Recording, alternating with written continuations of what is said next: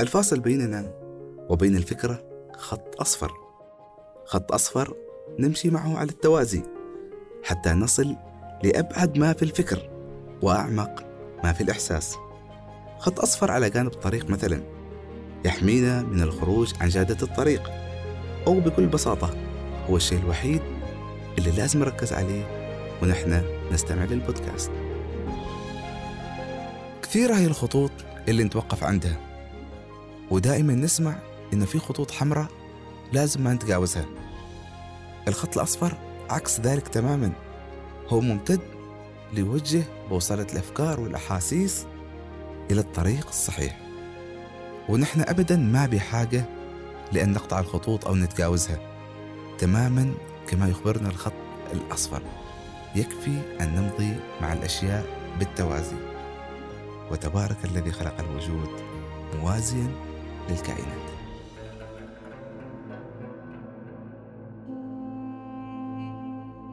السلام عليكم. نعود إليكم مجددا من استوديو همزة ومع حلقة جديدة من بودكاست خط أصفر.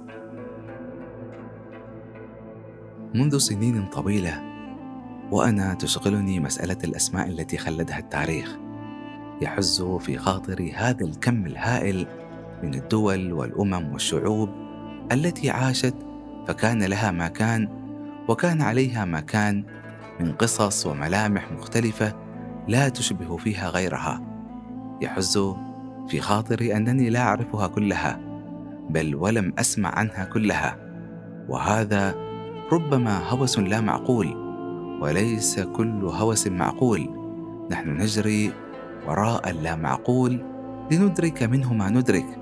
فنعرف الحد الفاصل بين ما سنسميه معقولا وبين الذي هو بعد ذلك لنسميه اللا معقول أو المستحيل.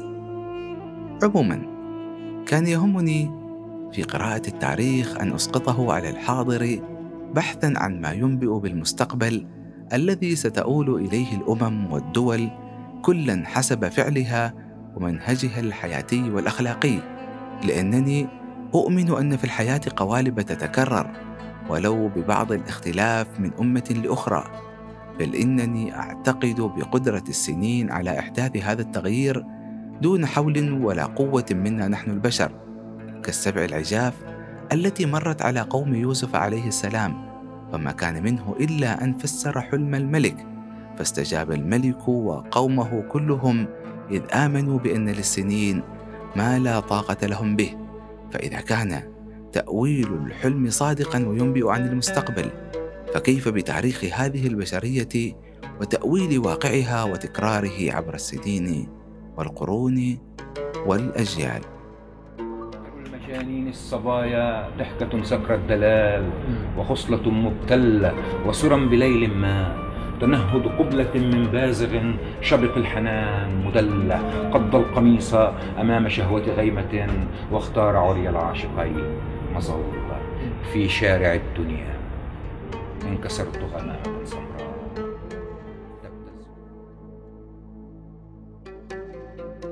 نعود للتاريخ مرة أخرى. هذا التاريخ الذي يبدو في مخيلتي كتابا كبيرا أحمله داخل رأسي لكنه ليس بثقيل أبدا لسببين. الأول أنه في مخيلتي التي لا تعترف بالمادة وهذا أمر مدهش إذ كيف تسكن في رؤوسنا مدن من خيال وكتب من أحداث وقصص وسجل أسماء من نعرف رغبات وأمنيات كسر وخذلان نصوص طويلة وقصائد ذات أبيات مدهشة وغيرها وغيرها الكثير دون أن يكون لهذا كله وزن ذرة هو يحلق بفضل الله في مخيلتنا بلا مادة لكنه هو من يجعلنا بشرا نعيش الحياة بشكلها الذي نعيش. ومن باب المقارنة نستطيع أن نتخيل الذاكرة التقنية التي أنتجتها البشرية في شكلها السحابي الذي قد يخيل إلينا أنه موجود في اللامكان غير أن الذاكرة التقنية لا بد لها من مادة تحملها أو سيرفرات تحويها. لذلك قال الله جل في علاه هذا خلق الله فأروني ماذا خلق الذين من دونه. السبب الثاني الذي لا يجعل من هذا التاريخ الذي أعرفه عن حياة البشرية والأمم ثقيلا هو التاريخ نفسه الذي يتجلى في صورة كتاب تلخصه المعرفة في لحظة وتتفرع تفاصيله في لحظة أيضا.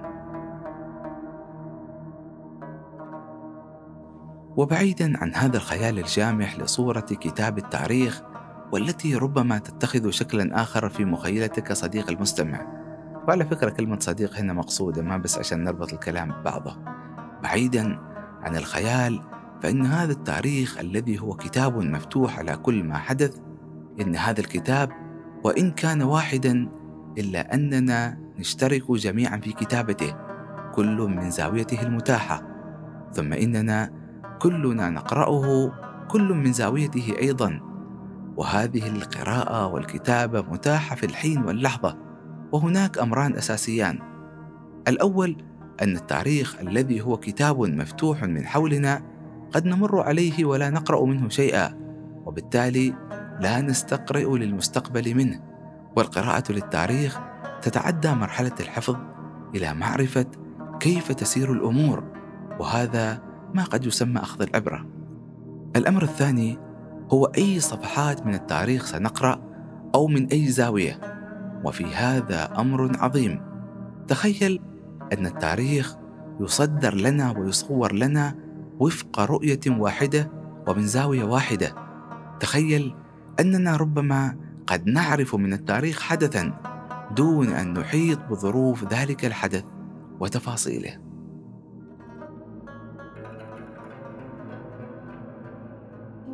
توظيف آه، الحدث التاريخي بعدة أوجه وبعدة أشكال. أهمها راح نركز عليها في هذا الحديث. أولا أن يتم إعطاء هذا الحدث قيمة عاطفية تتصل هذه القيمة برسائل بمشاعر وبممارسات. فيتحول الحدث التاريخي من مفصلي وله منعطفاته ومآلاته إلى حدث له حمولات ثقافية لا يمكن إطلاقا أنك أنت تفصل الحدث عن حمولته. بمعنى لو في يوم من الأيام أنت أردت أن تفكك هذا الحدث عن سياقه أو حتى عن آه، أهميته لا يمكنك أن تفكك تأثيره. يعني الحدث قد يكون أضعف تأثيرا من الحمولة الثقافية التي حمل بها. وهذا ممكن يكون يعني كمثالين أساسيين ما يحصل في عالمنا الإسلامي. اليوم أنت ما ممكن أساسا أن تفكك الفتنة الكبرى عن المنظور والعقلية اللي موجودة في العالم العربي والإسلامي.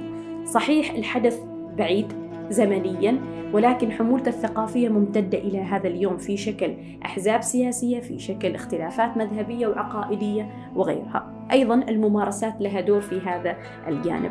فلا يمكن أن نفكك أثر آه هذه الحمولة الثقافية آه التي تطغى على الحدث نفسه المتلقي. آه نفس الشيء ينطبق على الهولوكوست. الهولوكوست قصة وحادثة مرت بزمن ما بأسباب وسياق محدد.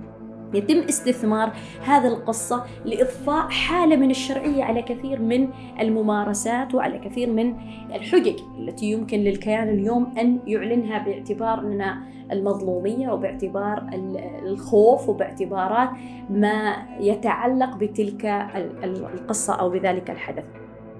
الجزء الثاني من شكل من أشكال التوظيف وهو خدمة الأجندة. أحيانا بعض الأحداث تخدم أجندة الموظف لهذا الحدث ويكون لها تأثير ناعم بشكل كبير. فتتضح هذه الأجندة من خلال سياسة التغيير والانتقاء والتأثير. بمعنى أنك تؤثر على المتلقي من خلال وسائل ناعمة قد تتخذ بشكل السينما أو الدراما وإضفاء حالة من التطبيع الإنساني على هذه الشخصية. أو أنك أنت تركز على مرحلة معينة أو حدث معين أو زمن معين أو شخصية على حساب شخصيات أخرى. شكل من أشكال الأجندة هو التهميش والانتقاء أنك تنتقي شيء على حساب شيء آخر. فتريد أن توجه هذه الأنظار وتوجه هذه الأفكار حول هذا الحدث على اعتبار أنه هو مقبول وهو الأفضل وهو الأنسب. ثالثا شكل من أشكال التوظيف أيضا هو ما يسمى باستدعاء. أحداث جانبية لتشتيت الرأي عن الفكرة الأساسية. أحيانا يتم استدعاء وتداول بعض الأحداث وبعض الجزئيات حتى تؤكد أشياء معينة تخدم أجندة معينة وممكن غير التأكيد ممكن تشكك وممكن تنكر. وهذه تحصل بشكل كبير أنك تحاول أن تشتت الرأي العام أو الموجة العامة التي تتصدر تلك يعني الحادثة فحتى تشتت هذه الأنظار عن الحادثة أنت تستدعي أحداث جانبية تغير من مجرى التعاطي عن هذا الموضوع وهذا سلاح ذو حدين يعني بالأساس.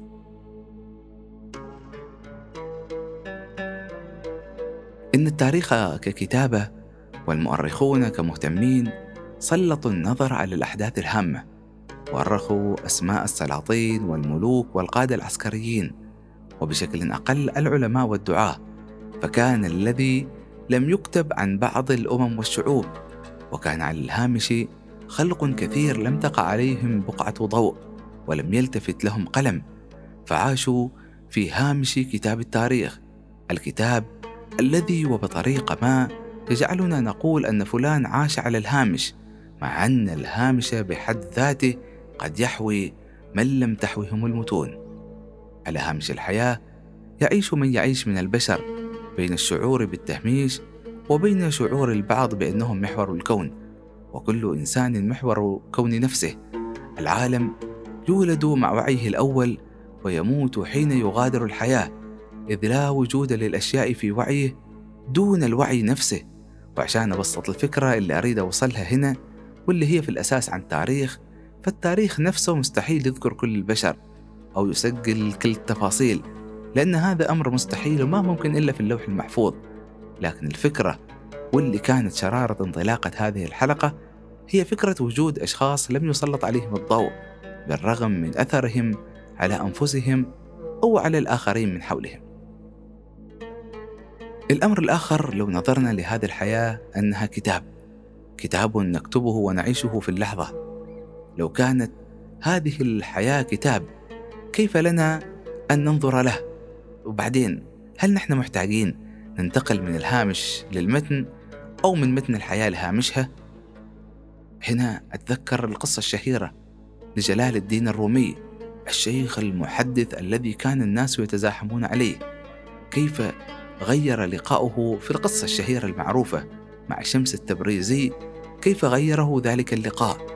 ليخرج هو من متن الحياة لهامشها ثم ليخلده التاريخ بملايين المريدين حول العالم حتى يومنا هذا. هيمنة التركيز بجانب على جانب آخر. بمعنى يتم تفسير بعض الأحداث التاريخية على اعتبار أن هي لها آه، جانب سياسي وله تأثيرات واحد اثنين ثلاثة. فيتم تفسير الظاهرة أو الحدث من موقع آه، جانب سياسي. ويتم تهميش كل الأبعاد الاجتماعية والاقتصادية.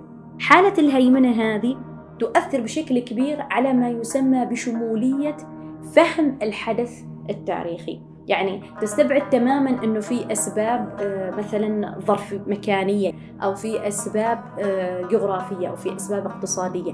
حالة التهميش هذه بشكل كبير تستدعي إنك أنت تهمش كل الأحداث وتنتقيها فقط على حساب المحرك السياسي. متى ما خدم هذا الجانب السياسي فهو يمشي. وهذا ممكن بعد آه، واحدة من إشكالياته أنه أن تأخذ التاريخ وتكتبه فقط من جانب الفاعل في التاريخ. فلذلك تجد كثير من الأحداث التاريخية تركز فقط على من هم في السلطة وقريبين من السلطة. أما الطبقات الأخرى أو الهوامش أو الناس العاديين تصبح كأنها يعني مفعول به. بينما أساسا الأحداث التاريخية بشكل عام جزء منها متصل بالمجتمع ومحرك أساسي بشكل كبير أيضا من المجتمع. ثانيا في عوامل اقتصادية وسيا وثقافية واجتماعية تخدم العلاقة الناظمة ما بينها وبين الحدث السياسي نفسه. فلا ينبغي تركيز يعني تفسير آه، الحدث معين بجانب على حساب جوانب أخرى.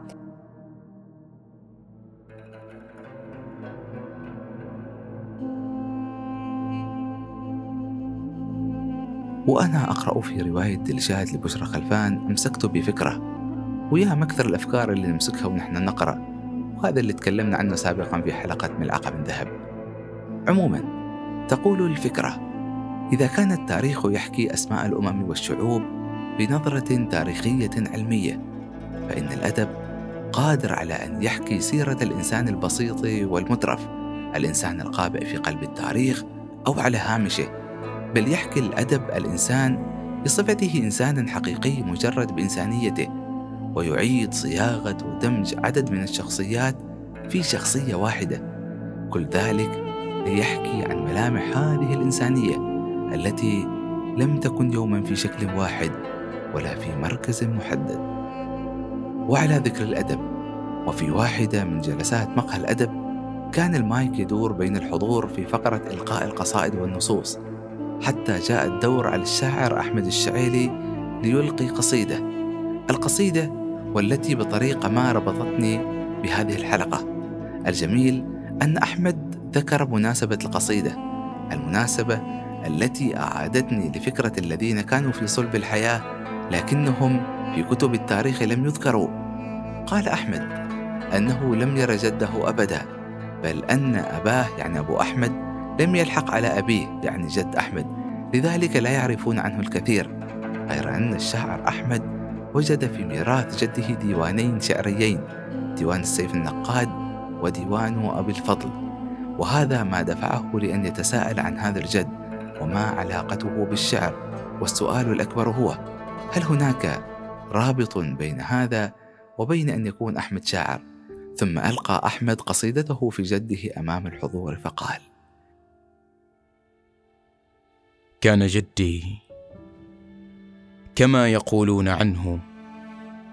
رجلا في يد الحياة خفيفا رجلا لا يرى القوي قويا حين يطغى ولا الضعيف ضعيفا.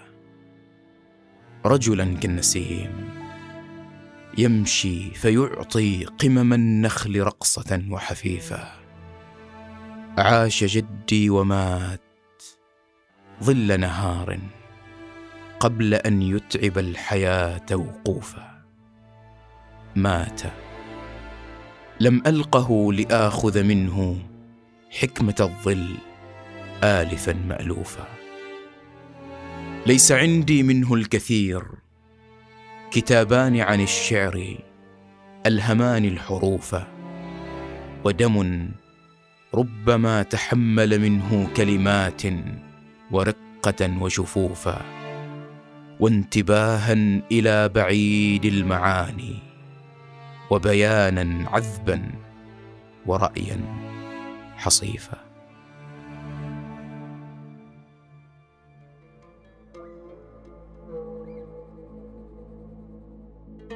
ومن باب المصادفة أنه بعد أن يصفق الجمهور لأحمد يأتي الدور على الشاعر هيثم الحضرمي والذي سيلقي قصيدة في جده أيضا لكنه سيقول أنه وجد في سيرة جده شاعر الجوف وهو شاعر خلد اسمه بشعره وحضوره الأدبي والثقافي. وجد الخيط الذي يفسر لهيثم كونه شاعر ورث الشعر عن جده. لكنه أيضا وجد من الأضداد التي جمعها جده ما يدفعه لأن يكتب قصيدته التي فيها يقول قديما ضج فيه وأنصتا وأبش من دعاه وشتتا. قديما كان يبصر صوته ويمسك ما أتاه ليفلتا. قديما خلف آخر نخلة رأت في ظله وجه الفتى. مشى مشى هذا الذي هو مفلت وحيدا ملفتا متلفتا مشى والخيزران تدله لأعمق ما يخاف واثبتا يطبطب في الطريق على خطى تعبن من الوقوع على متى متى يا أيها القلب الذي بدوت لنا أحن وأخفتا تعلمنا الشعور الشعر كيف يجني خبزة أو دهشة؟ يعلمنا الصديق الغيب كيف تحتاج الخطايا التوبة.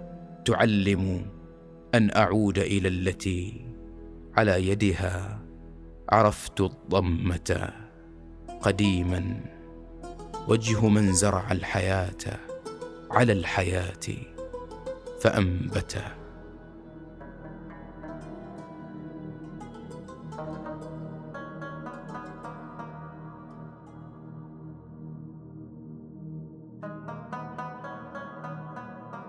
في العام 2005 حين توفي شاب من شباب القرية اسمه علي خرجت جنازته من بيت أهله. تبعها مئات من الناس في مشهد مهيب.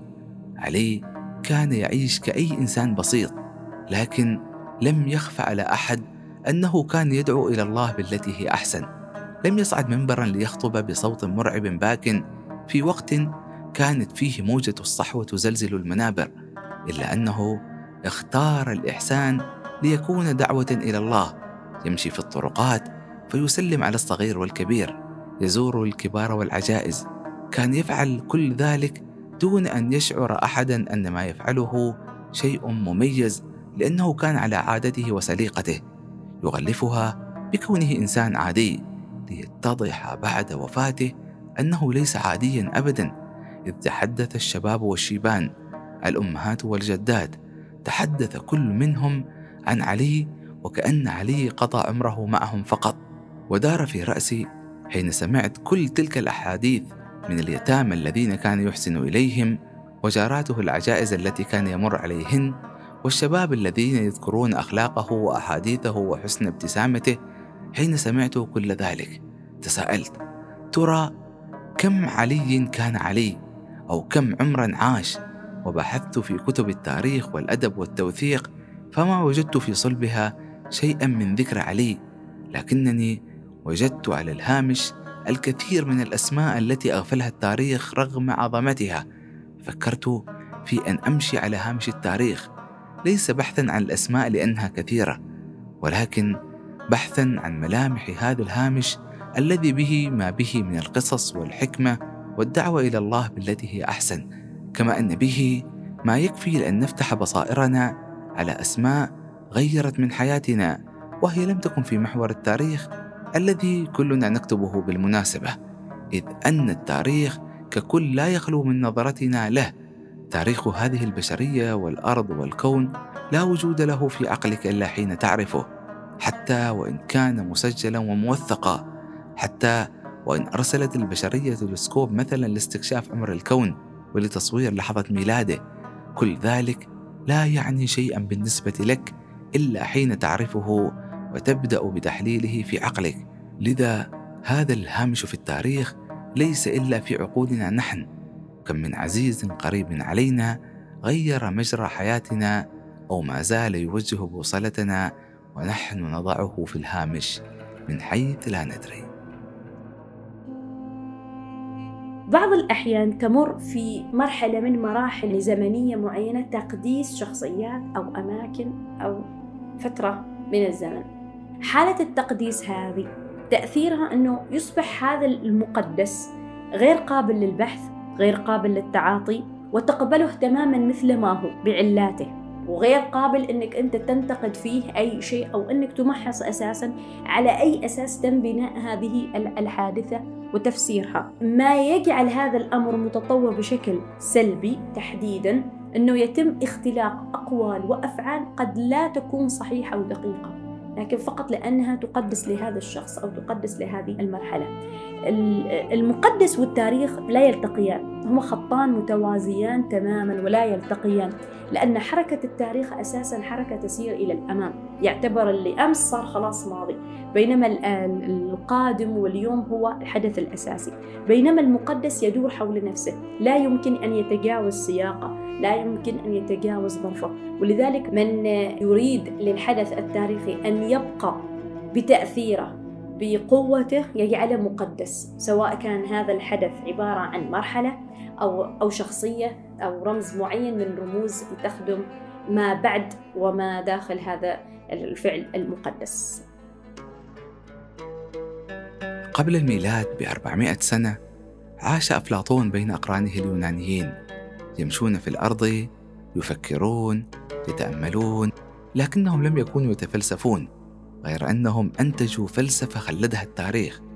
أستعيد هذه الفكرة الآن وقد كنت طرحتها في أمسية حوارية عن صناعة المحتوى نظمها صالون مداد الثقافي.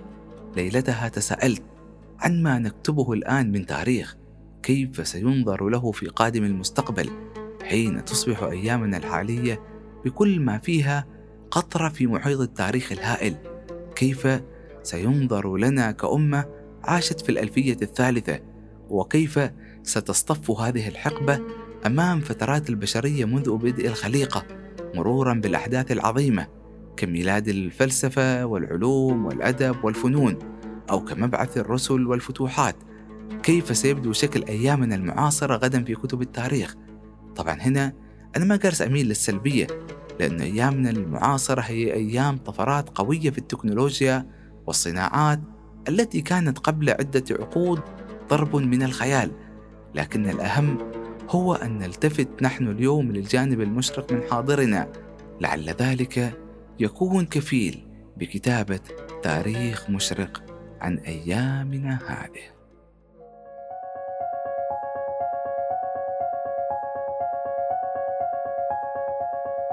كانت هذه الحلقة الحادية والعشرين من بودكاست خط أصفر. قدمناها لكم من استوديو همزة.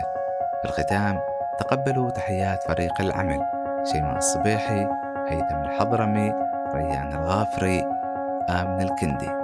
وشكر خاص للأستاذة تهاني الحسني والأستاذ طلال السلطي. وتذكروا أننا نحن وإياكم ما زلنا نمشي على التوازي مع الخط الأصفر. حتى نصل لأبعد ما في الفكر وأعمق ما في الإحساس.